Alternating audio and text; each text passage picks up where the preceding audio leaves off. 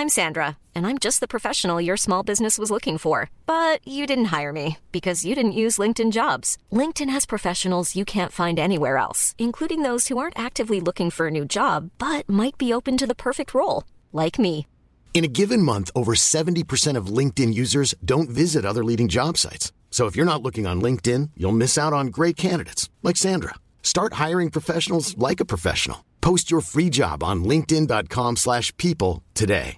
Many of us have those stubborn pounds that seem impossible to lose, no matter how good we eat or how hard we work out. My solution is PlushCare. PlushCare is a leading telehealth provider with doctors who are there for you day and night to partner with you in your weight loss journey. They can prescribe FDA-approved weight loss medications like Wagovi and Zepbound for those who qualify. Plus, they accept most insurance plans. To get started, visit plushcare.com slash weight loss. That's plushcare.com slash weight loss.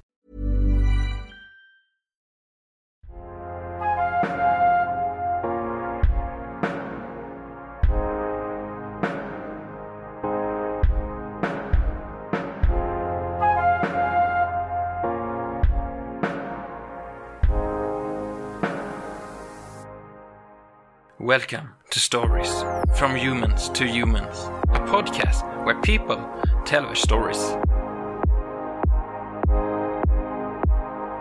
I dagens avsnitt ska vi få ta del av en berättelse om att växa upp med teater och hur teatern blev räddningen på en resa genom mobbning, sjukdom och ångest. Men även genom kärlek och lycka. Man skulle kunna säga att teatern har hjälpt till att forma Simon till en otroligt trevlig man. Men nu får du slå dig ner och njuta av denna berättelse i lugn och ro. Säger vi varmt välkommen Simon. Härligt Simon att ha dig här. Ja, kul att vara här. Innan vi börjar skulle jag vilja veta Simon, var kan vi följa dig på sociala medier? Ja, alltså mig privat. Jag heter som jag heter på olika sociala medier. Men sen finns jag också på olika föreningar eftersom jag är väldigt aktiv inom teatern. Och då är det Triangelteatern och eh, Teater Frutikosa och även musikalen Ivar som är aktuellt just nu. Eh, faktiskt imorgon så kommer jag spela en uppsättning som heter Ensam pappa försöker. I- Imorgon och på torsdag kväll 19.30. Och sen i sommar eh, kommer jag vara på Himmelsberga med Teater Frutikosa som en smed i föreställningen Vilken tavla. Och sen den här Ivar som jag nämnde kommer jag vara Paul Toll som var Ivar Krygers kollega. Så det är väl det som är aktuellt just nu. Så det är respektive hemsida eller Facebook eller Instagram för dem. Härligt. Har du projekt som är på gång mot hösten också? Eh, ja. ja, Ivar kommer ju ta en eh, september. Eh, det blev framflyttat, skulle ju egentligen varit i mars vill jag minnas. Men det blir ju september där och sen eh, får vi se lite. Det blir ju lite nystart där. Jag har ju varit med i Ölandsrevyn i tio år så vi får se om jag är med där igen. Härligt. Passar nog utmärkt. Jag gissar på att avsnittet kommer ut ungefär mot sommaren. Det låter jättebra tycker jag. Härligt. Så Simon, kan du ta oss tillbaka när din historia börjar? Ja, absolut. Eh, Min historia började 1982 när jag föddes. Och eh, jag brukar säga att jag föddes in i teaterns värld.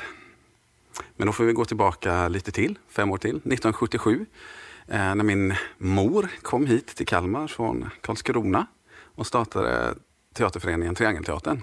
Det fanns nämligen eh, ingen förening här. Så då tänkte hon att det måste vi ha. Och då startade hon den. Och fem år senare kom jag och blev en del direkt. Jag var med mamma på jobbet och jag var med henne på kvällarna. Hela tiden. Behövde de ett barn i någon föreställning, då hade vi ett färdigt. Där var ju jag. Och sen eh, har väl det märks lite. Jag vet när jag gick till dagis så vet jag att jag gick dit i lösnäsa och utklädningskläder och sådär. Så att det var ju på gång tidigt. Sen var jag väl sex år när jag började på riktigt om man säger. En riktig roll med eh, skrivna repliker. Så. Eh, och eh, jag kollade lite på det, för jag har alltid sagt att det var som en av hundarna i Soldaten, soldaten och elddonet. Men eh, nu såg jag att det var tre olika roller ungefär samma år, så jag är inte helt hundra på att det var den första.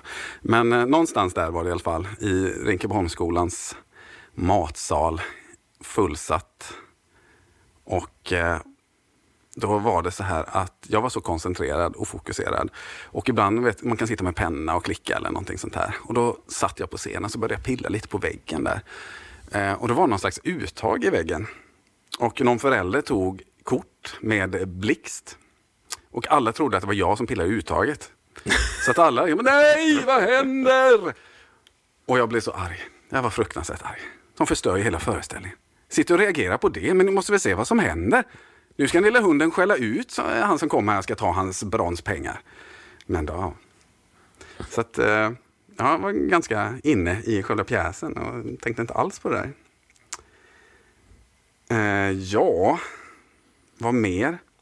Jag var mycket, jag var mycket med mamma då, som sagt. Och sen har jag en lilla syster och mycket med min mormor och morfar farmor och farfar. Familjen har alltid betytt jättemycket. Jag vet min morfar tog alltid ut mig på skattjakter och äventyr. De bodde ganska stort i Blekinge på ett ställe som heter Sjuhalla. Jag vet att bland annat så gick vi och rodde iväg med båten och så hittade vi en flaskpost. Och i den fanns en karta. Och då blev det en skattjakt. Så det, eh, mycket sånt här äventyr och fantasi har alltid funnits med. Och jag hade en väldigt rolig barndom måste jag säga. Pigg och glad och skojade hade mig.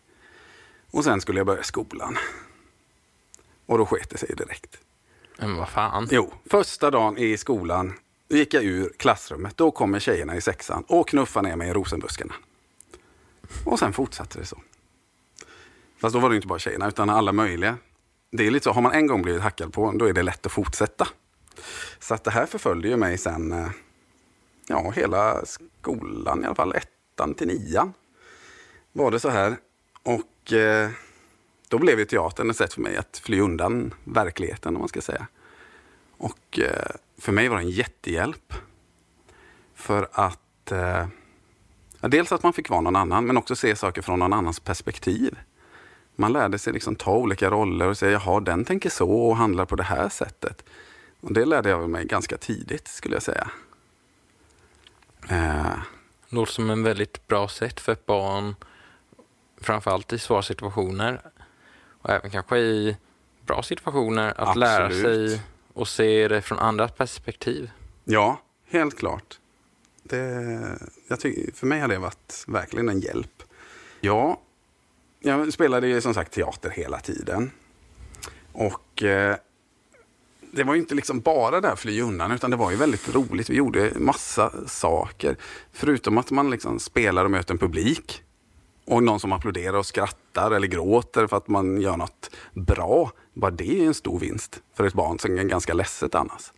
Eh, jag vet ju att när jag kom hem från skolan och man tänkte äntligen slipper jag de där jobbiga människorna.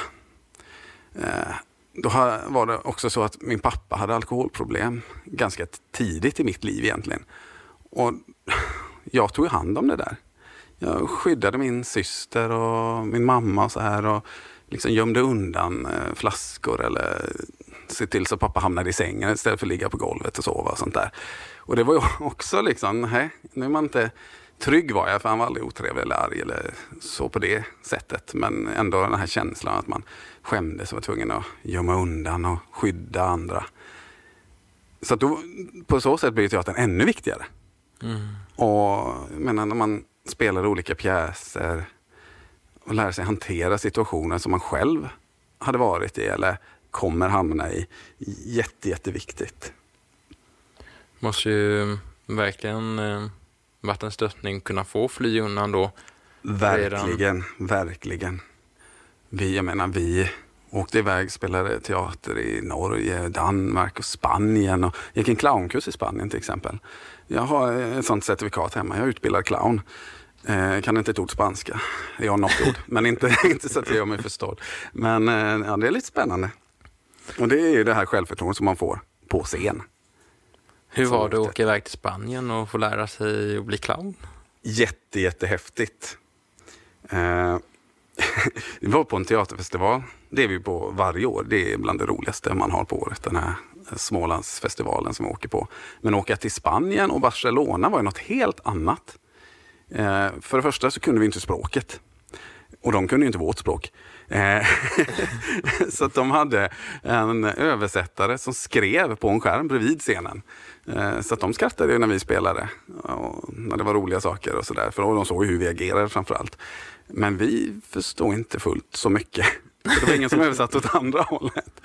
Eh, och det var likadant på den här kursen. Då. Man fick ju gissa vad de gjorde för gester och, och sånt där. Mycket med clown är ju ljud. Man ska hitta mm. sin röst och sitt sätt att vara. Och att man ska bli en karaktär. Så det funkade ju. Det gjorde det. Absolut. Så det var inte att utbilda sig till att bli Jokern i Batman?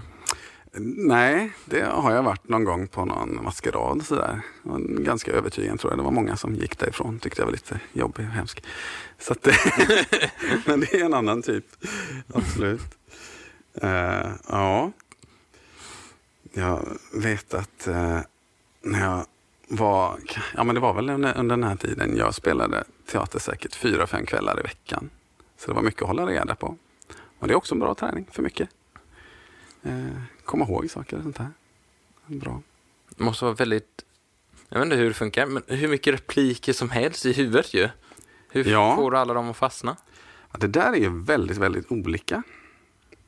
Eh, det, det, jag tror nästan det finns lika många tekniker som det finns skådespelare för det där, eh, i stort sett. Men eh, nej, ja. Vi får oftast genom att, att spela. Alltså att göra karaktären. Eh, det sätter sig både i musklerna och i talet. Och man hittar sin karaktär hur man ska gå och röra sig och prata. Och på något sätt kommer replikerna på köpet. Och sen så tycker jag om att bli förhörd på dem, att man läser mer än någon annan.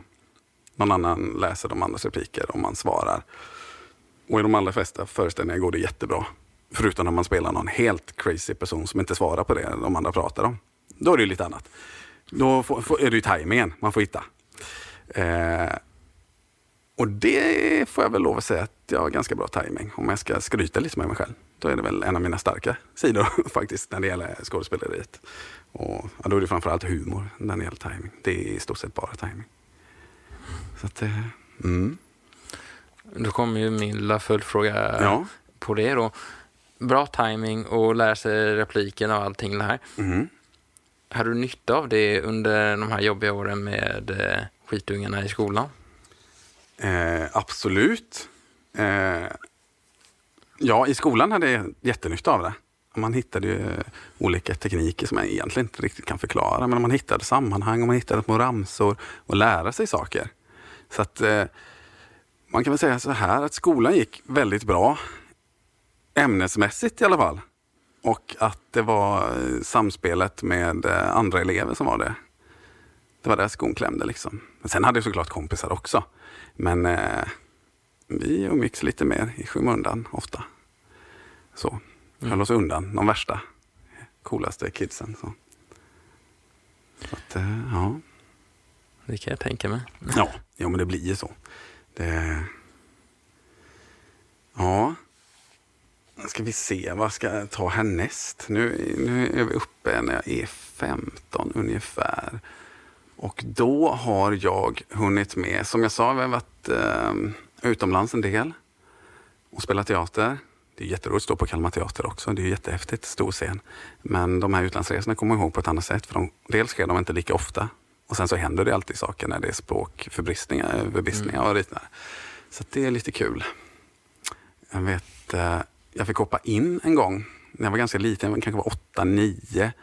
Eh, då var det en grupp som spelade en pjäs som heter Fröken Noré om en väldigt auktoritär och sträng eh, lärare som har en flickskola och är inte speciellt snäll mot de här flickorna. Och då var det så att en av rollerna saknade skådespelare för eh, den hade blivit sjuk. Så jag fick hoppa in och spela med en som egentligen var något äldre då.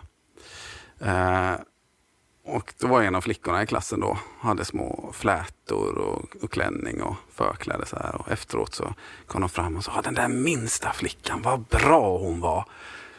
Ja, det var jag. Liksom. Det, det, är sånt man kommer ihåg också. De märkte inte ens att det var en liten pojke, men det, det spelar ingen roll. Det var jätteroligt. Så det... Och likadant som jag sa i Spanien där när vi var iväg. Jag vet att jag sjöng Mamma Mia. Då tänkte vi, att det är ju ABBA. Eh, de hade en så här liten eh, fest på kvällen då. Eh, ja, fest och fest. Ja, men så. En rolig grej då för alla som var där. Och de sjöng med karaoke. Och då tänkte jag och en till från gruppen att Mamma Mia med ABBA, den kan vi ju. De är ju svenska. Men det är antingen den på svenska eller på engelska, det är ju ingenting. Det klarar väl vi, den har man hört så många gånger. Då finns det ju en text på spanska också. Så, den, ja, så den sjöng vi för alla som var där. Men eh, vi lyckades på något sätt eh, få till ganska bra uttal. Så att eh, de köpte det. Vad bra de var på spanska. Eh, nej, vi läste till och lyckades få till det där. Så att, var den sätta uttal när det är ett annat främmande språk. Ja, det är ju inte helt jättelätt så. Uh, vad gjorde jag mer under den här perioden i livet? Jo, jag spelade med Riksteatern två gånger också. Den första i alla fall var inom det här åldersspannet. Då var det en Molière-föreställning som turnerade då. Riksteatern turnerade ju med föreställningar. Och de var här i Kalmarregionen. Jag vet inte om det var Kalmar, Oskarshamn, Karlskrona, Västervik kanske eller något sånt där. Och eh, då skulle vi spela barn och springa in och krama om vår pappa vet jag, bland annat. Och eh, det är lite roligt för då visste jag inte riktigt vem den här personen var.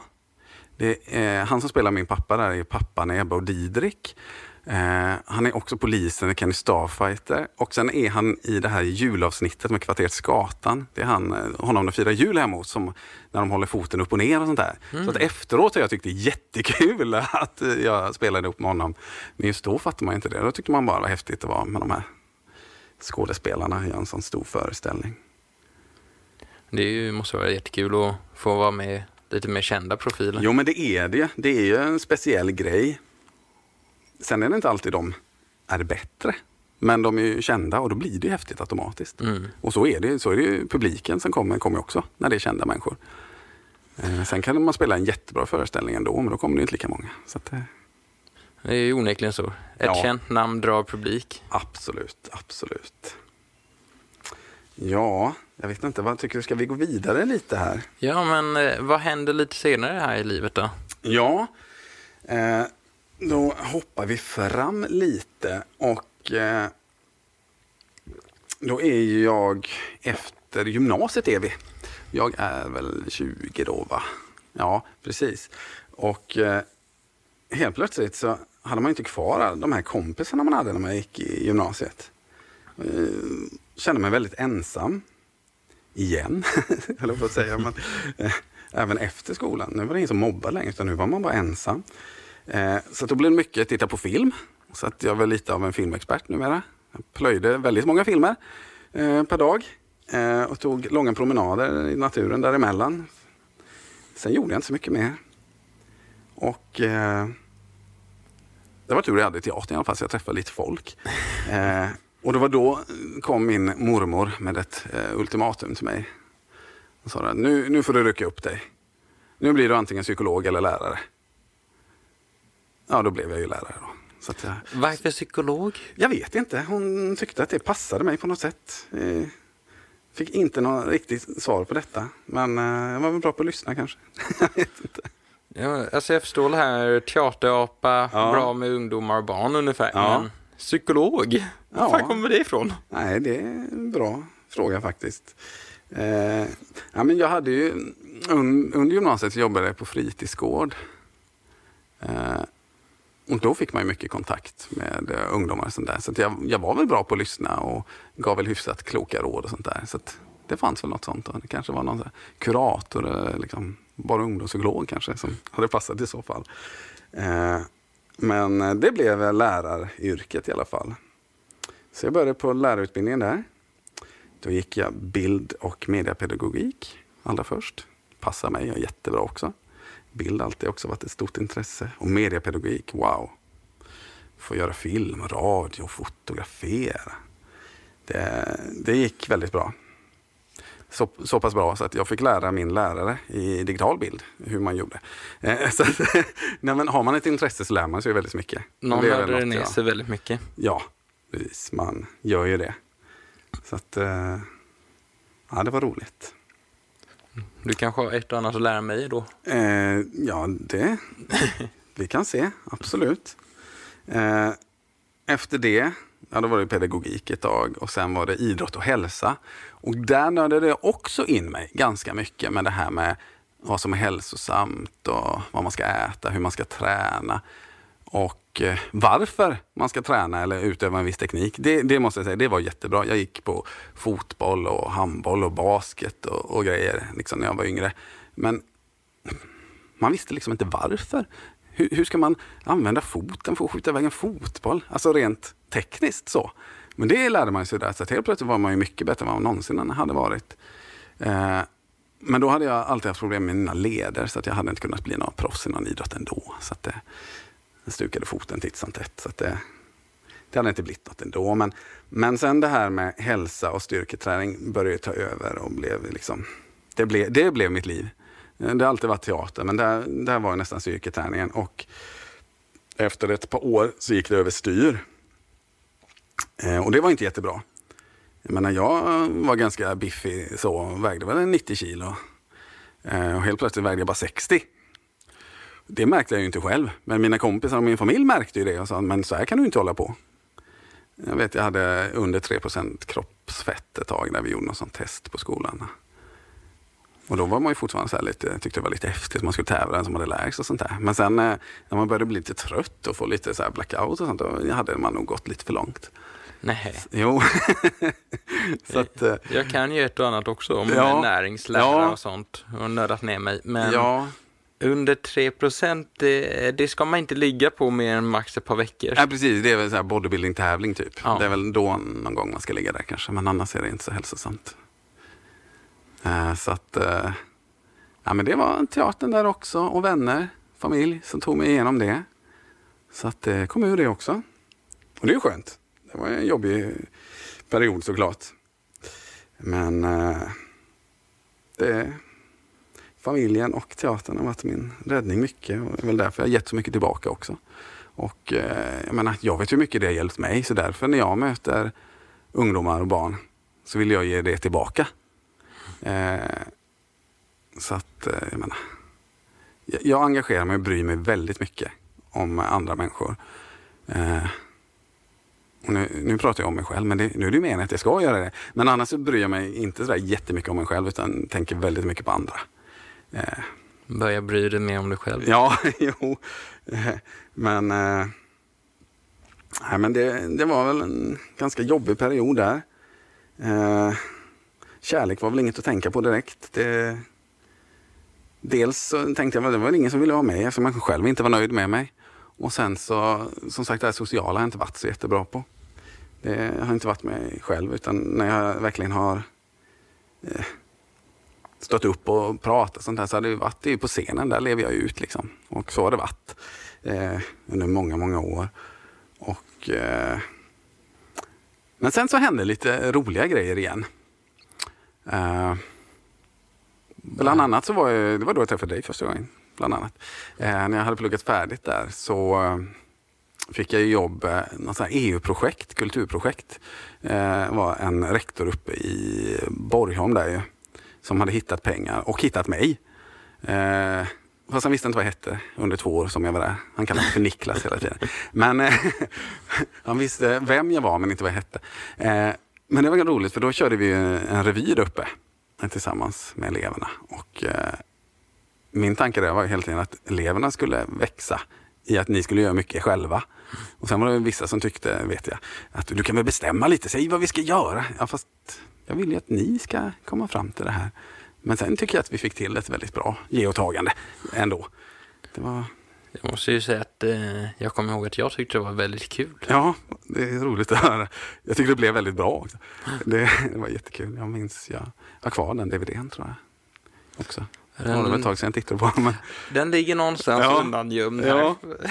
Nej, det, var, det var jätteroligt. Och i samma veva, eh, vi har ju pratat lite om det innan här, att eh, jag kom ju precis från lärarutbildningen, hade fått eh, jättebra jobb på estetisk verksamhet. Passade mig perfekt. Liksom både teater, bild, foto, film. Wow! Och sen så ändrade de system då i skolan så att estetisk verksamhet tas bort. Och helt plötsligt hade jag inget jobb. Och då hittade, eller han hittade mig, eh, den här rektorn där då. Så då fick jag det som var så bra. Och sen samtidigt så har jag blivit tillfrågad om att hålla i eh, KAST, Kalmar studentteater. Eh, så det gjorde jag också i två år. Det var två år båda där, ja. just det. Det är lite spännande. Och ja, det var ju så häftigt. Då hade jag dels min förening Triangelteatern som jag liksom alltid har brunnit för.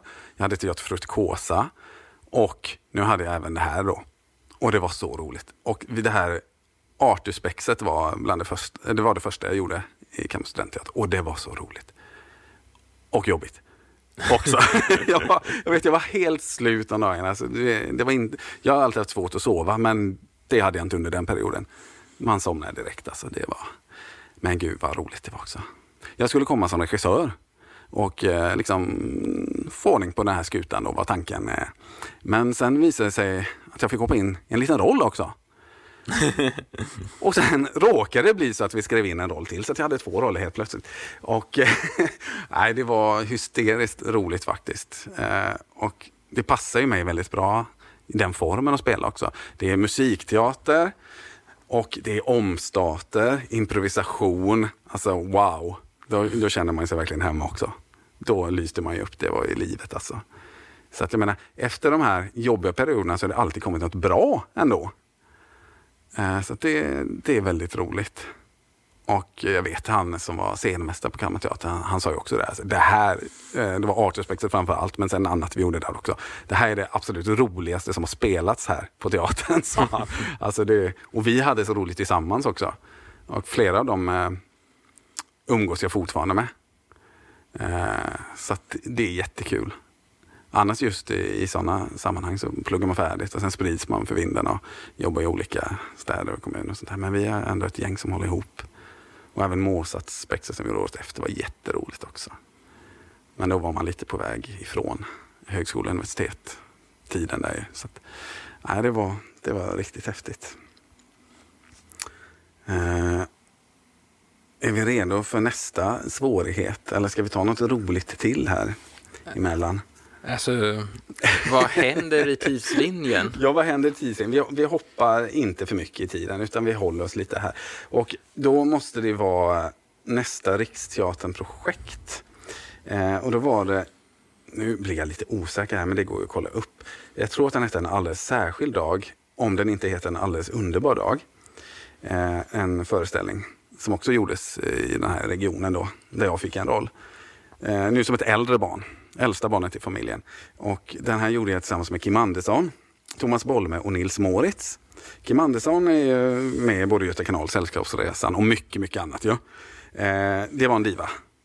Spännande, wow. Eh, Thomas Bolme och Nils Moritz, de umgicks med oss andra. Vi hade en loge. Kim Andersson hade en egen. Där fick vi inte störa. Nej, det var en väldigt härlig rolig människa, men eh, lite divalater och så. Och eh, jag kommer ihåg när vi repeterade, man repeterade ändå ett gäng gånger. Det var ganska ont om tid, så man fick ju köra intensivt. Och då skulle jag måla en mustasch med kol. Eh, jag vet inte om du har provat det någon gång, det gör ganska ont. Eh, kol, ja, ja, jag kan tänka mig det. Ja, eh, så jag tänkte att eh, det här gör jag inte på riktigt när jag repeterar. Då säger Kim Andersson, men varför målar inte pojken på riktigt? Ja, alltså jag tänkte att när vi repeterar, så blir ju rätt många gånger man ska måla och sen tvätta bort. Och... Men jag fick göra det. Jag var lite röd om överläppen sen, men det, det gick ju. Och om det kändes bra för alla andra så var det väl bra, antar jag.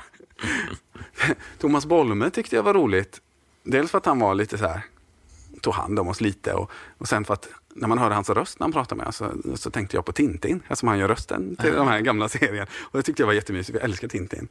Ja, det är en eh, fin serie. Ja, så det var liksom bara, åh, kom och prata med mig Tintin. Och Nils Moritz eh, känner man inte igen namnet alls egentligen. Så. Nej. Det borde man göra, för att han är en väldigt rolig figur. Eh, Ture Sventon, där för övrigt Thomas Bolme också varit en karaktär. Men eh, Herr Omar, Känner. det är den här Nils Moritz, Egyptien okay. Eh, med fesen. Och han är även cyklisten i Sune Sommar. Ah. Han som råkar illa ut hela tiden. Så det var faktiskt väldigt roligt. Eh, så att, ja, det var en spännande upplevelse måste jag säga. Och eh, ja, det, var, det var häftigt. Där fick man verkligen vara med om något. Och, och det här jag sa om att det finns olika sätt att lära sig saker, att skådespelare är olika. Skådespelare har väldigt olika de är ju unika personer precis som oss andra, men ibland undrar man om en del är lite extra unika. För jag, när man får, när man spelar en föreställning så många gånger, ja. då sitter den ju i ryggmärgen efter ett tag. Men jag vet vid något tillfälle att det var en av de andra karaktärerna, jag kommer inte ihåg vad hon heter, det är lite tråkigt, men det, det var en som kom av sig. Ja. Och fick en sån urskäll, utskällning alltså, efter föreställningen. Av eh, Kim Andersson också. Det, men det var ju liksom i stundens hetta. Sen var de ju liksom vänner igen så. Men ja, det, det kan hända saker. Mm. Eh, även i professionella teatern så att säga.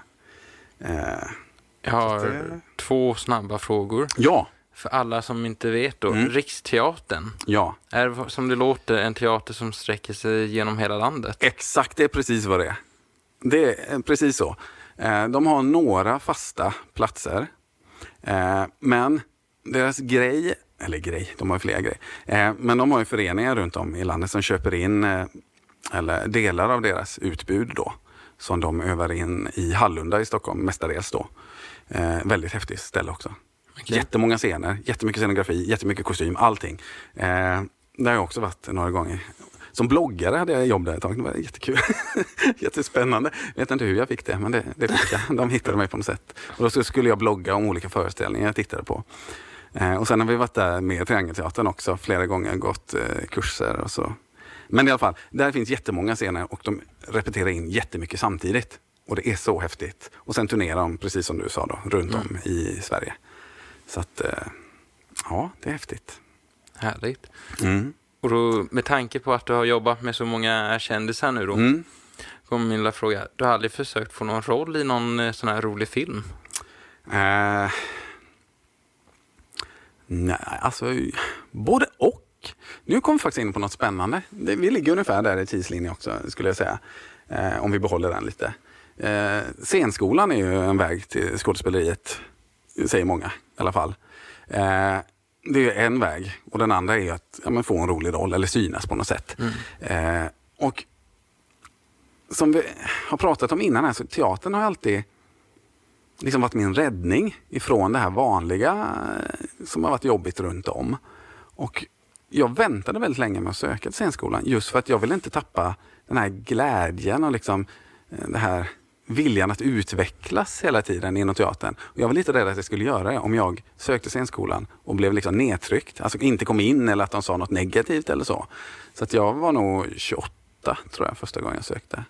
Och då vet jag att de bland annat frågasatte det. Varför söker du så här sent? De flesta söker direkt liksom, i sista året gymnasiet. Och då berättade jag lite det. Och, och sen så sa de att eh, alltså en stor del av de som söker är ju väldigt duktiga, kan väldigt mycket. Så att det är inte så att det bara är de som är bäst som kommer in. Vi går väldigt mycket på vad teater Sverige behöver just nu. Och Det kan man liksom vara etnicitet, det kan vara utseende, hur du pratar, hur du, alltså sådana grejer. Så att uh, urvalet är väldigt... Det är inte bara liksom... Det är inte Idol liksom. Så, riktigt.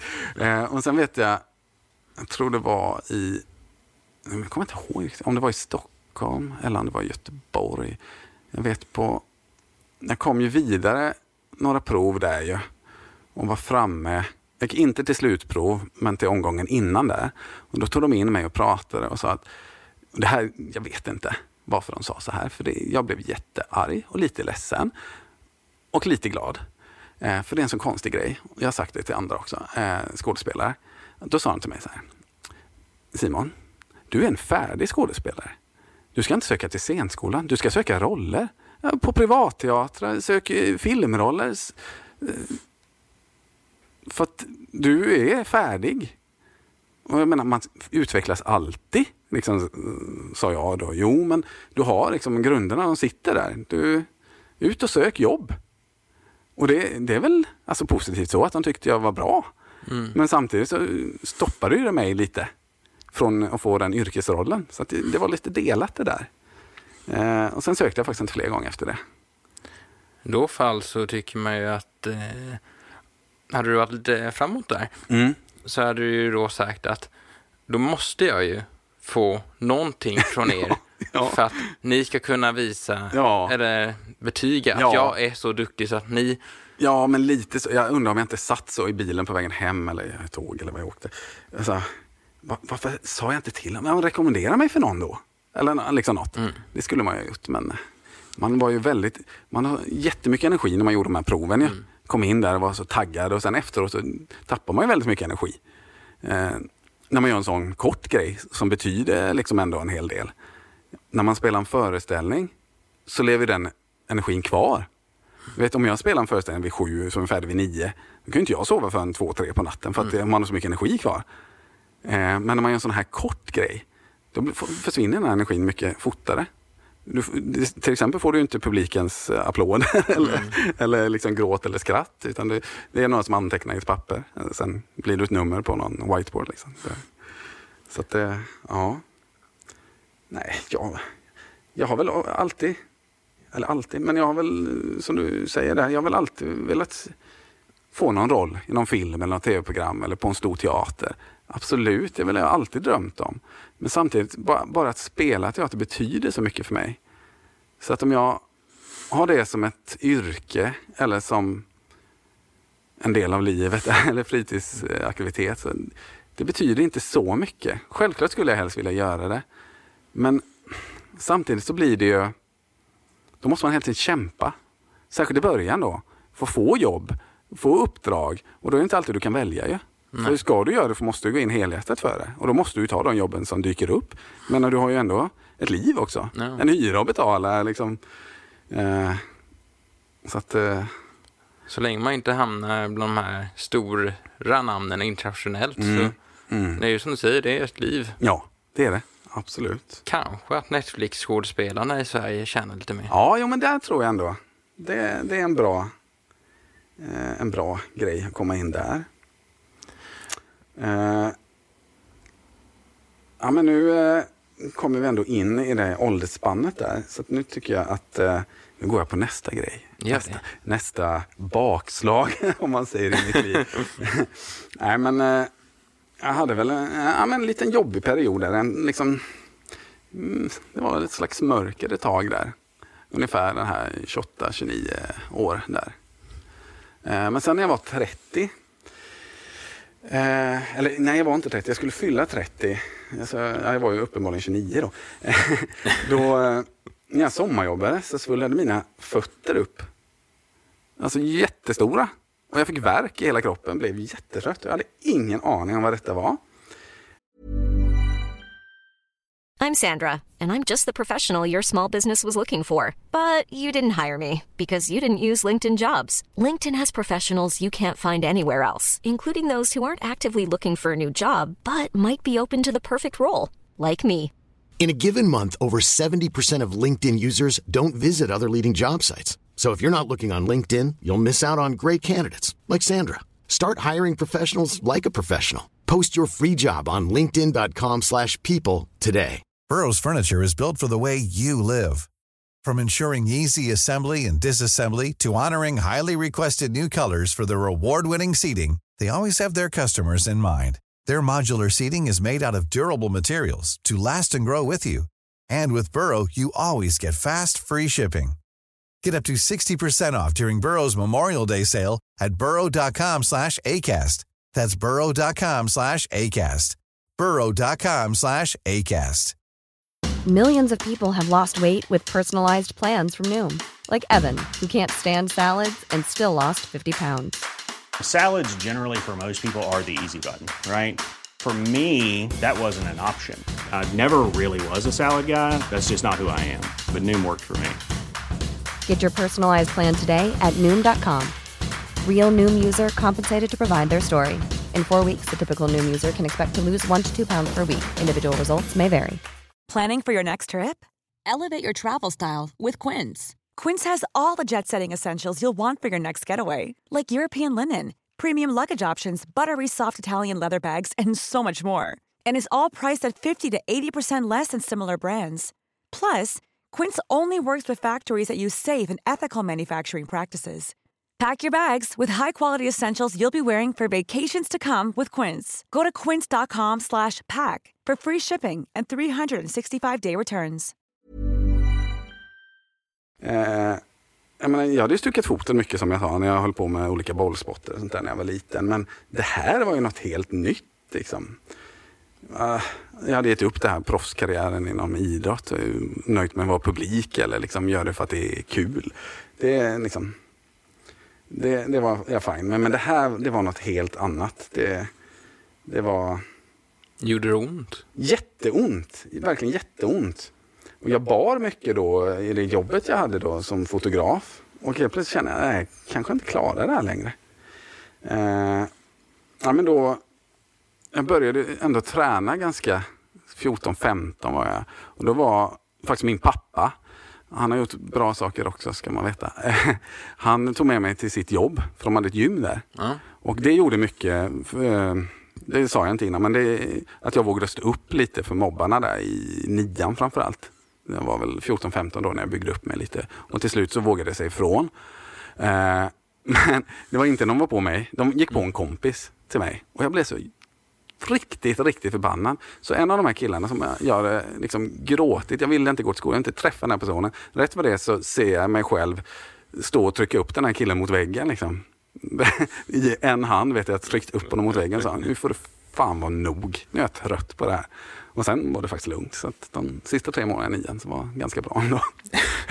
faktiskt. Och efterhand, varför gjorde jag inte det tidigare? Exakt, ja men så är det ju. Man eh, tänker ju alltid så. Eller en bra comeback när någon säger något elakt. Det, jag hade en kompis som var ganska bra på det faktiskt. Eh, Men jag själv hade jag inte fått den i verkliga livet. På scen har jag det, men i verkligheten mm, inte på samma sätt. Du skulle ha lärt dig att eh, ta en av rollerna. Ja, men eller hur? Man skulle hitta någon karaktär så. Ja, det... Absolut. Men det här, den här svullan och det då. Eh, det visade ju sig att jag hade fått något som heter Bechterews. Eller ankyliserande spondylit. Lätta namn va? Mm. Sista ordet där känner jag igen. Det gör du? Ja. Det är egentligen mer eller mindre samma sak. Jag tror inte man använder Bechdels längre överhuvudtaget. Det står i min journal, men eh, nu så säger de det andra AS. Säger man. Eh, det är ju att mjukdelarna, brosket och sånt där i skelettet hårdnar. Och man får spontana inflammationer runt om i kroppen. Mm. Och framförallt i ryggen då. Mitt kom i tårna, så därför visste de inte vad det var från början. men det förklarar ju varför jag hade så ont. Kunde knappt köra bil liksom. Inte för att vara sån, men jag gissar på att det nog var positivt att det var fötterna och inte ryggen. Ja, men nu har det kommit dit också tyvärr. Men i början var det bara fötterna. Eh, nej, men och då, om jag sa att det var jobbigt där 28-29, det här gjorde inte saken lättare. Eh, kommer jag ens kunna gå eller kommer jag bli en liten krum gubbe liksom, sitta i en rullstol och rulla mig fram eller gå med rollator liksom. Det, Det är en roll det med. ja, absolut, det är det. Och det, ja. Men det var, jag var inte riktigt redo för det där. Alltså först fick man ju cellgifter mot det här då. De mår man inte heller jättebra. Nej. Eh, nej. Eh, eh, men i det här så kom väl en räddning. Jag träffade min sambo numera, Frida, på, på ett jobb faktiskt. Och eh, då blev livet lite lättare. Det tog väl ett tag innan jag vågade tro på att det faktiskt var på riktigt. Att jag hade träffat någon som faktiskt tyckte om mig lika mycket tillbaka. Men eh, till slut visste jag det och nu är jag 100% säker. Vi förlovade och sådär. Så eh, Får jag bara Nej. fråga, jag Ja. älskar ju fina kärleksberättelser. ja, Vem tog kontakten? det var jag. Eh, Hur gick det till? ja, det var lite roligt. Eh, som sagt, jag är bra på att nörda in mig på saker. Ja. Så att jag kan ju det här med fotoutrustning väldigt, väldigt bra och vet precis hur man kopplar och vad man behöver. Men jag gick in i, vi var på en väldigt stor skola i Sollentuna och fotade eh, gymnasiet, tror jag. Eh, då gick jag in i det rummet där hon fotograferade och så sa jag, du, hur funkar den här egentligen? Kan inte du hjälpa mig? Jag vet inte hur man ställer in det här. Och det var första kontakten. Eh, sen dröjde det ganska länge. Då var vi året efter på utbildning eh, för de här eh, fotograffirman som vi jobbade på då. Och där tog vi kontakten igen och bytte nummer med varandra och la till varandra på sociala medier. Och det var där det egentligen började. Så från första kontakten tills att vi verkligen... Det var lite långsint av dig. Ja men eller hur. Men jag hade ändå henne liksom i bakhuvudet på något sätt. Så det, ja, det var väldigt, väldigt glad nu att det blev eh, som det blev. Eh, så att säga. Vad gjorde ni första dejten? Första, ja det var, det var spännande. Eh, då, eh, först och främst så städade jag min lägenhet jätte, jättemycket. Och sen så sa jag, men gud vad jag behöver städa, jag har inte hunnit det. Liksom, det. Så det var lite falskt av mig, men så var det. Och sen så gick vi på Sorbas här i Kalmar faktiskt. Och sen fortsatte vi träffas lite då och då. Och sen, vet inte om det tog ett halvår eller vad kan ha tagit, tills Frida, Frida flyttade ner hit. Så det, det kändes ju rätt ändå. Hon kom från Karlstad, så det är en bit ändå. Ja, det- tilläggas. så att, det- En liten bit pendla. eh, Ja, så att det, ja, det är spännande. Och sen väljer hon ändå att flytta hit. Ja. Ja. Ja, men det är väl också lite det som vi var inne på det här med om jag skulle bli skådespelare liksom professionellt och sånt här och söka sig kanske utanför Kalmar. Att familjen och vår förening Triangelteatern är ju det som liksom har gjort att jag har orkat trots de svårigheter som jag haft och mycket ångest och liksom sånt där. Så att jag har inte riktigt velat flytta på mig. Så att det var ju väldigt trevligt att hon kunde tänka sig att flytta hit. Eh, däremot så har Frida och jag sen vi mm, då blev ett par rest väldigt mycket. Okej. Ja, det, det var väldigt smidigt för att eh, hennes eh, tvillingsyster eh, jobbade på eh, fritidsresor, TUI. Eh, nej, ja, eh, på fritidsresor. Eh, och eh, då så åkte vi och hälsade på henne till en början. Och sen fick vi smak på resa. Och då, inte charter då, utan vi bodde liksom bland, bland folk och de som jobbade där mer än på hotellen. Så. Och det är inget fel att bo på hotell och bo, åka på charter, det är jättetrevligt det också. Men om man verkligen vill se världen, hur andra människor har det, uppleva saker. Då tycker jag det var jättehäftigt att åka på det sättet som vi gör och gjorde mest. Eh, och det är väl också, om man säger teatern och roller, då lär man sig se andra människor, andras perspektiv och förstå saker på ett annat sätt. Och det är likadant tycker jag när man reser. Här sitter vi i Sverige och tycker en sak. Och jag menar, här sitter vi kanske i Kalmar och tycker en annan sak än vad de tycker i, i, i Karlstad till exempel. Då, och sådär, va? Och se andra perspektiv på saker. Tänk att de har ju faktiskt också rätt. Det beror ju på hur man ser på saker.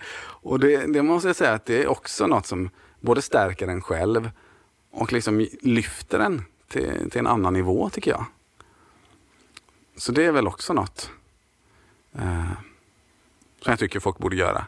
Sen är det ju svårt det där med att resa, hur man ska resa, så där, och vad det har för påverkan. Men, men just för att förstå andra människor så tycker jag det är jätte, jättebra och viktigt att man gör det. Ja, resa, det är otroligt. Ja men det är ju det. Det är så givande. Jag vet inte hur du är på semester, men jag är ju inte så mycket för att ligga på stranden hela tiden. Nej. Jag och min fru brukar ju vi ligger där kanske en timme eller två om dagen och sen resten upptäcker vi allting som går att se. Jo, ja, men sån, sån är jag. Jag vill göra så mycket som möjligt. Det, det finns både för och nackdelar med att vara sån. Men eh, ehm, ja, Frida har fått uppleva eh, att hinna med väldigt mycket på kort tid till exempel. Jag vet, vi var, första gången vi var i New York så mellanlandade vi bara där. Ja. Eh, Vi hann göra hela Manhattan ungefär på en dag.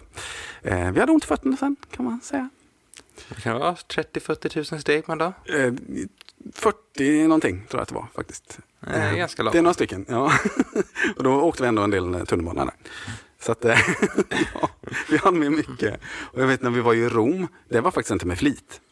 För att vi åkte till Rom och hade köpt ett all inclusive pass då som gällde på alla museer, sevärdheter och tunnelbana. Eh, och spårvagnar och sådär. Men då är det strejk där. Så att man kunde inte ta sig någonstans förutom med sina fötter. Eh, så att, eh, då gick vi ett maraton där också. Så att det, var, ja, det var spännande. Det är perfekt. Men, eh, så att vi, nej men vi, vi reser och eh, vi kombinerar bådas intresse. Så det blir både sol och bad, ligga på stranden och eh, upptäcka och ha äventyr. Så att, eh. Vilket är ditt favoritland du har varit i? Eller ort? Alltså det är lite svårt det där. Jag tyckte Kroatien var jättetrevligt. Alltså, jag gillar ju natur och miljö och sådär också. Men sen så, som jag sa, med film har ju varit mitt stora intresse. Och då är ju USA, det är ju landet liksom man åkte. Det är det man känner igen från film framför allt. Eh, I och för sig Kroatien, vi var ju i Dubrovnik där Game of Thrones inspelat så det, det, var mycket att känna igen där. Det var jättekul faktiskt, vi gick där. Eh, men eh, vet, första gången i New York var jättehäftigt, det har man ju sett överallt. Det, första gången i Los Angeles också. Hollywood liksom, wow. Mm. Det har jag faktiskt en liten story på, den, den, slänger vi in också, nu när vi ändå pratar om det. jag sa att vi är förlovade Frida och jag. Ja. jag hade ju tänkt att vi skulle göra det på nyårsafton eh, i Hollywood. Det vore ju pampigt och häftigt tänkte jag. Wow. Sen när vi stod där på nyårsafton så insåg vi att alla är inne i Los Angeles. Kvar i Hollywood är uteliggare, knarkare, prostituerade ungefär. Det var inte så romantiskt det var, ja, några fanns det andra. Det var några som stod uppe i ett höghus och så här, kastade, vet, så här, som man gör på film, så här, sedlar ner på fattigt folk. Och det kändes inte som något bra. Och sen någon uteliggare som typ mer eller mindre kräktes på mina skor. Så jag tog tillbaka ringen eh, igen eh, och gömde den eh, några dagar till. Och sen eh, åkte vi till San Francisco. Och då åkte vi över bron, det måste man göra, Golden Gate. Så det måste man åka på någon gång om man ändå är där. Och då stannade vi till vid en väldigt vacker utsiktsplats som eh, Venom, den filmen, har du sett den? Nej, faktiskt Nej, det här laboratoriet i alla fall ligger precis på den platsen där vi förlovade oss. Men det finns ju inte i verkligheten utan det är en vacker utsiktsplats. Och då tänkte jag det här blir bra. Så där gick jag ner på knä eh, och frågade om hon ville gifta sig. Och då började hon gråta. Ja. Och sen sa hon ja, eh, som tur var. det ja, nej, ja, nej, ja. ja. nej, det var bara glädjetårar som tur var. Så att, eh, Nej, det var roligt. Härligt. Ja. Sen, eh, ja. Då kommer mitt lilla restips då. Ja. Spara upp till Nya Zeeland. Ja, oh, det vill jag jättegärna. Det är ja. mitt favoritställe. Ja, det kan jag tänka mig. Har du varit i Hobbit World och sånt? Ja. Oh, wow. Ja, det är jag jättesugen på. Jag vill dit igen. Ja, det förstår jag verkligen. Vi hann upptäcka nästan hela Nya Zeeland. Mm. Vi hade husbil en mm. månad. Åh, oh, vad kul. Men jag vill dit igen och köra husbil en månad på de ställen vi inte hann med. Ja, ja men du, jag känner likadant. Vi har ju bilat i USA då, ja. både öst och västkusten. Men man hinner ju inte allt. Men det och man upptäcker ju så mycket saker. När man åker så också. Ja. När man kör själv. Man kan stanna vart man vill och liksom planera sin resa. Eh, och det, det är jättehäftigt. Och jag vet eh, när vi bilade där i eh, Kalifornien då, så skulle vi åka förbi de här vindistrikten och det. Mm. Och sen för några år sedan var det en sån här jättebrand. Eller det var två gånger nu, men det var en av de här jättebränderna. Ja. Så att de här fina eh, vinlandskapen fanns ju inte. Utan det var, eh, marken liksom var aska och låg och det var fortfarande rök liksom som täckte hela. Så att, där skulle jag kunna tänka mig att åka igen. När det är lite mer grönt och vackert. så, faktiskt. Men jättefint att köra längs vattnet där. Det är jättehäftigt.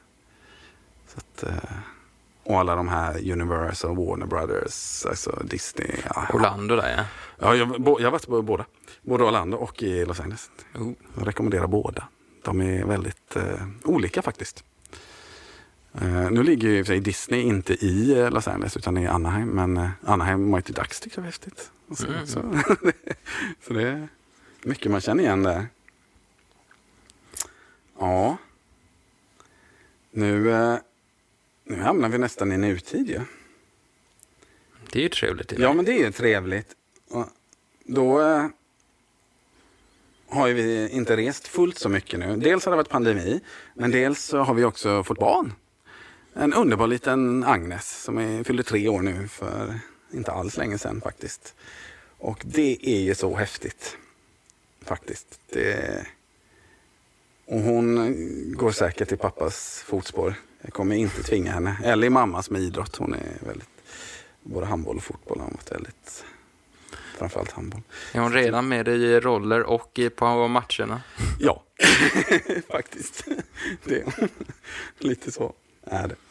Hon tycker båda är jätteroligt. Eh, så att, eh, ja. Det, det har varit eh, en resa det här. Spännande. Eh, jag kan, se, jag kan försöka mig på en liten sammanfattning här. Om vi går tillbaka till teatern då. Ja. Inte resa allt för mycket just nu. Eh, det, det kan prata en evighet om resor. Det kan ha som specialpodd. Resepodden någon gång. Det vore kul. Eh, nej men i Triangelteatern då har jag varit med sedan jag var sex. Det är ju 34 år nu. Det är en lång tid. Så där, där kan jag nämna några axplock bara eh, som jag tycker är värt att nämna extra. Vi gjorde en pjäs som heter Glöm mig inte som handlar om gymnasieelevers ångest om vad man ska göra i framtiden. Där jag spelade någon slags karaktär, ja, men, lite en Morgan Freeman-karaktär. Är han Gud eller liksom, vad är det för någon eh, som gav råd eller inte? Och vi spelar en annan pjäs som heter Lärare, inte lärare utan lärare. Så, eh, där jag spelade en ung nybliven lärare och det var ungefär vad jag var i verkligheten på den tiden. Och det var också en väldigt häftig föreställning, både om elever och lärares syn på, på skolan. Att lärare faktiskt är människor också till exempel. Och, och ja, den biten som man kanske inte alltid ser. Och sen eh, kan man bara nämna något snabbt också. Pandan och spionen, en eh, familjeföreställning och Pelle Svanslös. Och sen om man tänk, och de var ju väldigt roliga då, det är familjekomedier. Och sen eh, Björnen av Tjechov till exempel, som är mer allvarsam. Med komiska inslag, ska absolut sägas. Det är väldigt rolig föreställning. Den har jag väldigt starka minnen av också. Där är vi två stycken på scenen. Eh, nästan hela föreställningen. Det är någon statist som kom in också, men det var häftigt. Och sen Teater Frutikosa, Himmelsberg och Öland. Också, nu, jag vet faktiskt inte exakt hur många år det är, om det är 15, mellan 15 och 20 kanske. Jag varit med där. Så det är ganska mycket det med. Ett strömspel, Kalle Flott, Uppekurt till exempel. Några. Och sen har jag nämnt Riksteatern redan ju. Aha. Så det, det behöver vi inte ta igen. Eh, men eh, jag spelat Ville Vessla i Ture Sventon här i Kalmar på Krusenstjärnska. Innan Robert Gustafsson och gänget kom då så var det annan eh, teater där. Eh, det är lätt att, att glömma men det var det. Det var ju jättehäftigt också. Det var ju ett jobb också. Eh, och det, var, eh, det var riktigt häftigt faktiskt. Ville Vessla, skurken, är en ganska tacksam karaktär också att göra. Det var, jätte, det var också musikteater, vilket jag också tycker är roligt. Jag tycker om att både sjunga och spela. Ju. Spela teater alltså, inte instrument. Inte så någon höjdare på. Det är väl triangel, mungiga kanske. Nej, det kan jag faktiskt inte. Och sen så var jag med i Skönheten och odjuret. En musikal på Kalmar slott. Eh, det var också häftigt.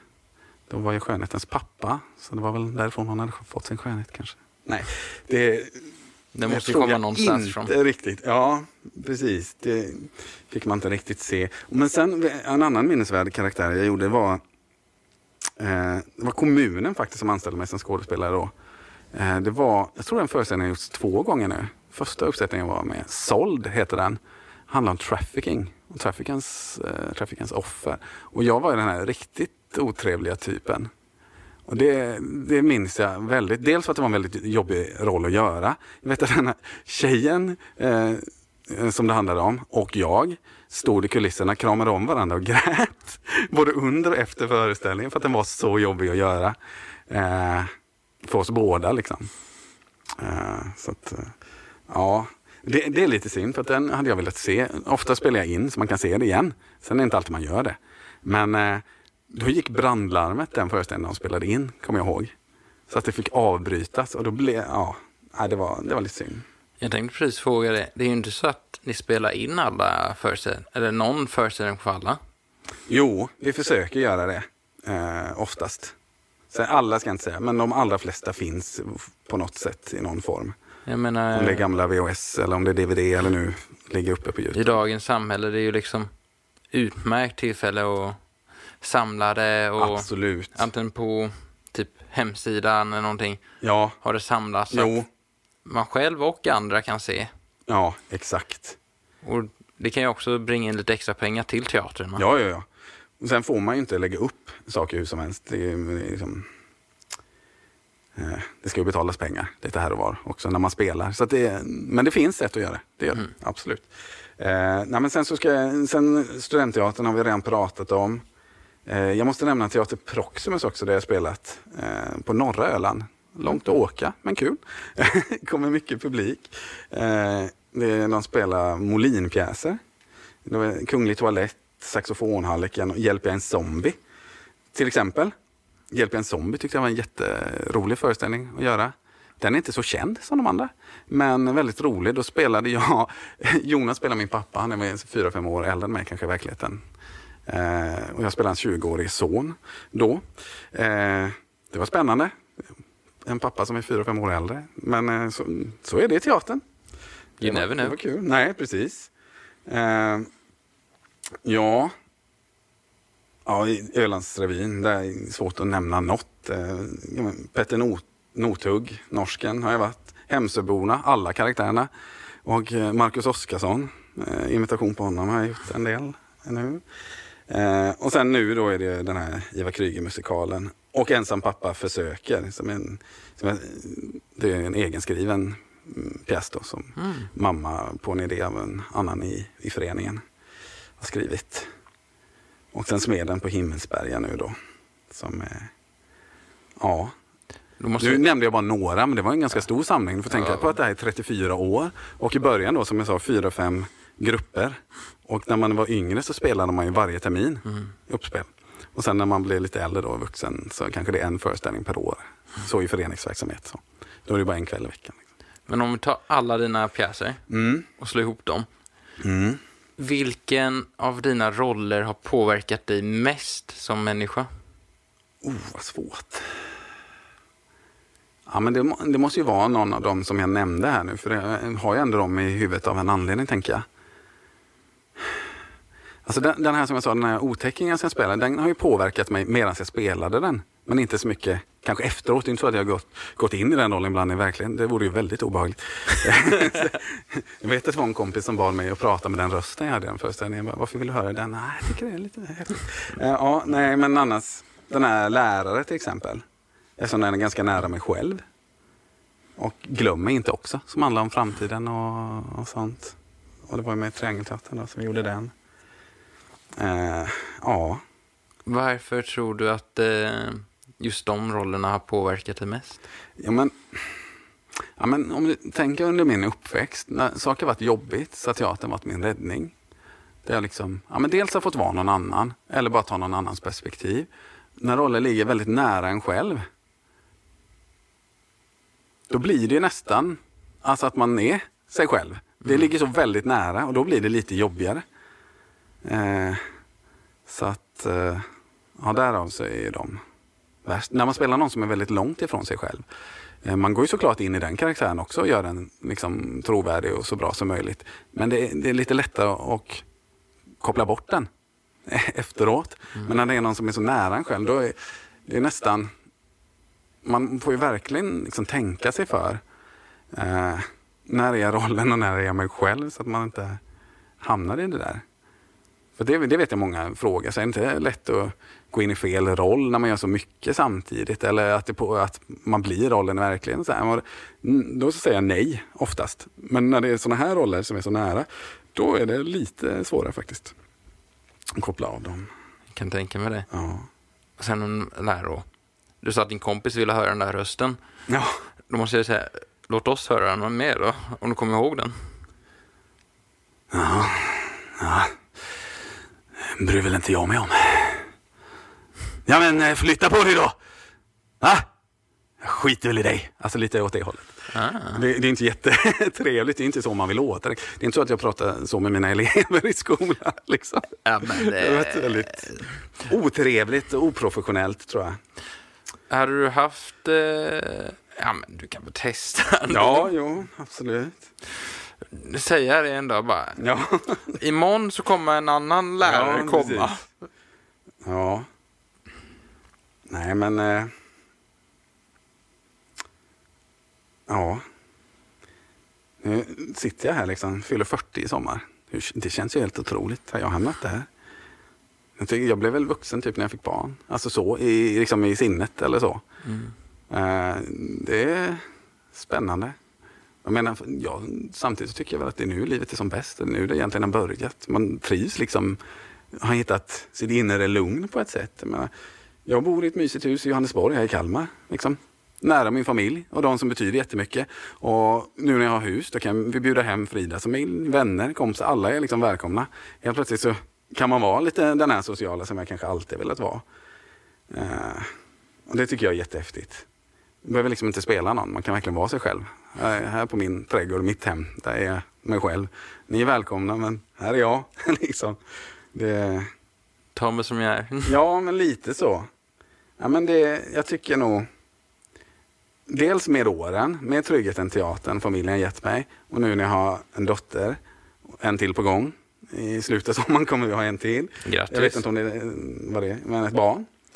Eh, ja, tack så mycket. Det ska bli jätteroligt. Nej, men det, det som kanske har lärt sig efter de här åren, som har gjort den här tryggheten, det är väl att försöka inte tänka på vad framtiden ska ge, liksom, utan att man lever här och nu och man hittar små saker att glädjas åt. Och man ska ju aldrig sluta drömma, men drömmar kan också vara små drömmar som man faktiskt vet att man kan förverkliga på något sätt. Och, ja, men det är liksom motiverande, man, man får hopp på ett annat sätt. Och, eh, alltid försöka bli, bli en bättre person.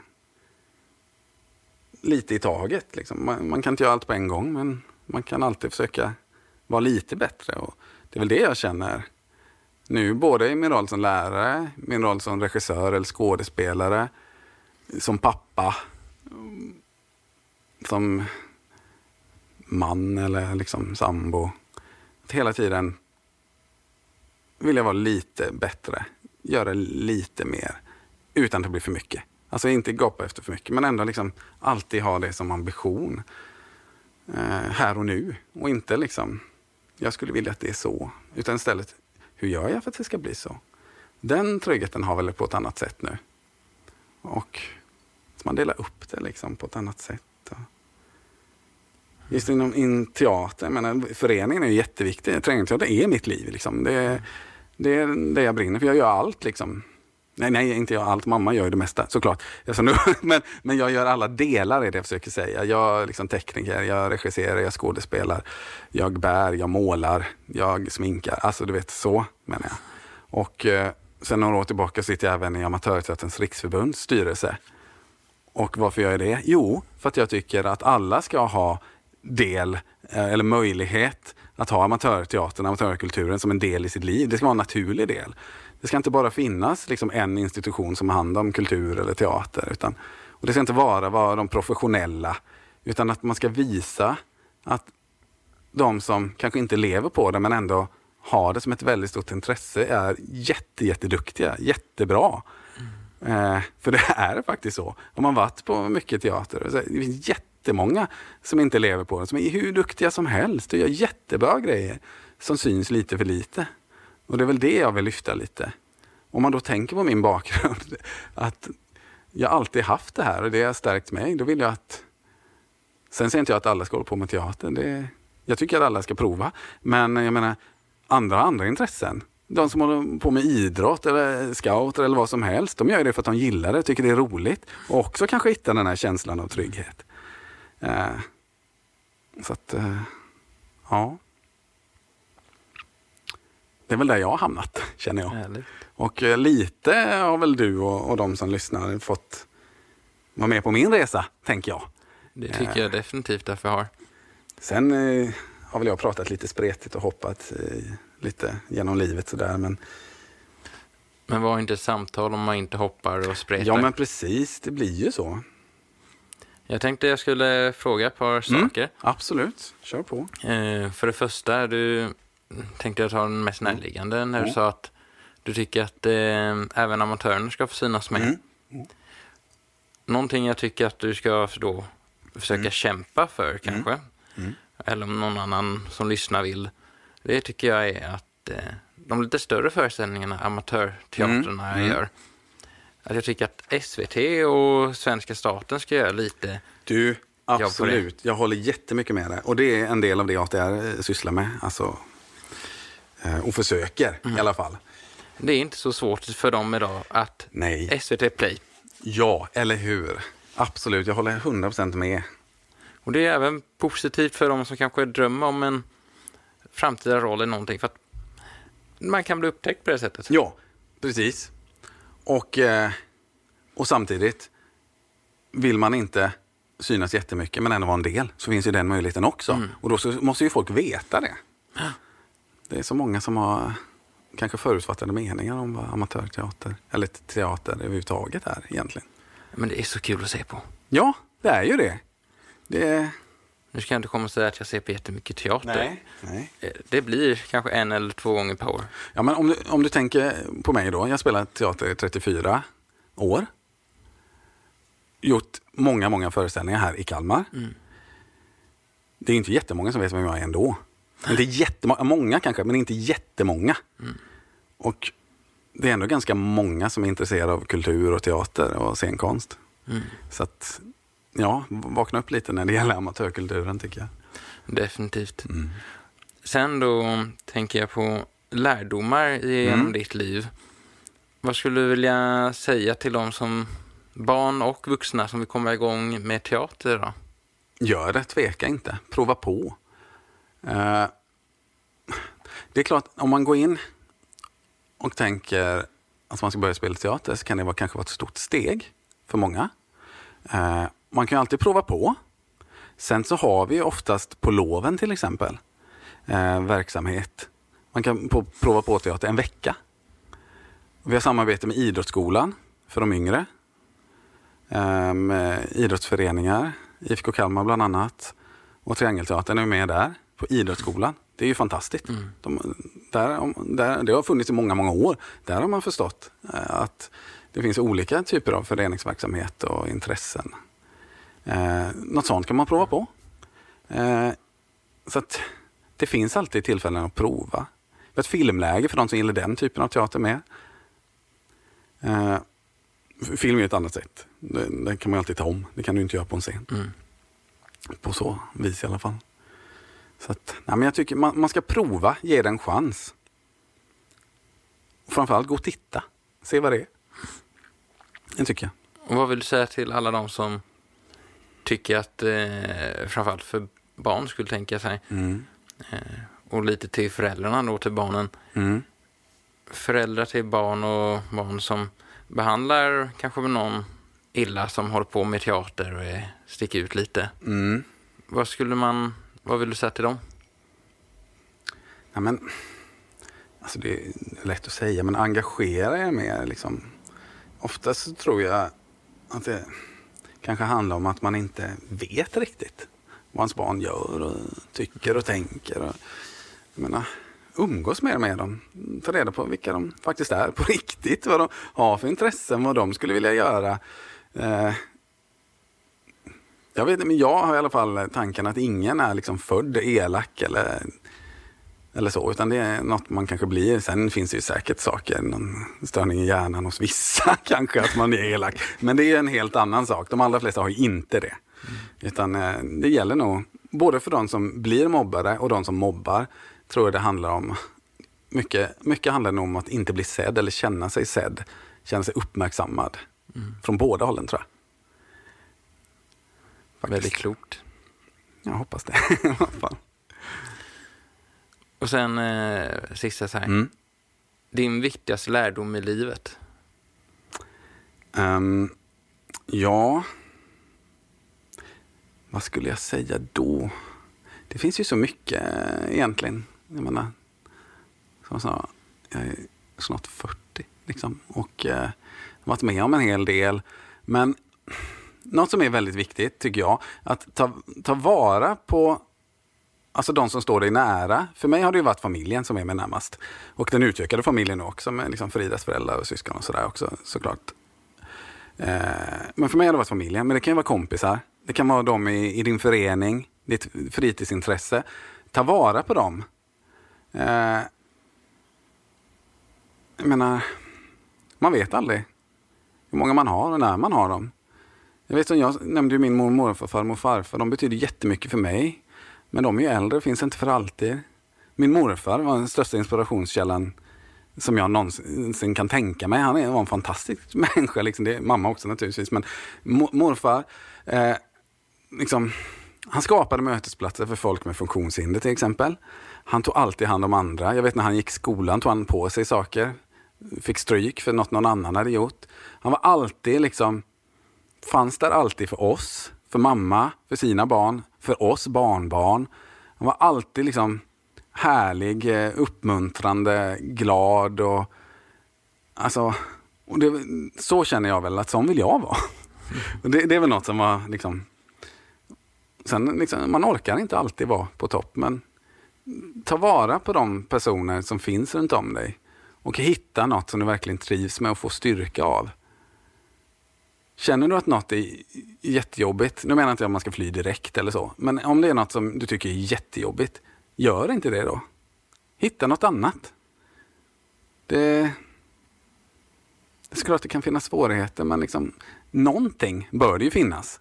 Någon tillflykt liksom, eller något man samlar energi av. Hitta det. Prova saker. Om man har möjlighet. Mm. Och någon typ av möjlighet att hitta något har ju de allra flesta ändå. Väldigt, väldigt klokt av dig. Mm. Tack. Då är det så Simon att jag skulle vilja tacka så jättemycket för att du ställde upp. Ja, men tack själv. Jag var lite nervös innan att jag inte skulle säga så mycket. För som sagt, spela någon roll, det klarar jag utmärkt. Stå på en scen och vara någon annan, absolut. Vara mig själv. Mm. Prata resor hade jag kunnat göra också hur länge som helst. Men ta tack så jättemycket, det var jättetrevligt. Återigen tack. Mm. I nästa veckas avsnitt ska vi få ta del av en berättelse om att växa upp i vad vi skulle kunna kalla optimalt förhållande till att möta världen och se motgångar i den och med det få en helt ny syn av världen. Detta händer när han börjar studera på en helt ny ort. Men vi ska också få ta del av när han testar sina vingar och jobbar och reser runt med mer. Detta har lett till att han blivit mogen nog för att kunna hantera när han till slut fick ett barn med CP-skada. Men nog om detta. Nu ska vi säga till att ha en fantastisk vecka. Så hörs vi nästa vecka igen.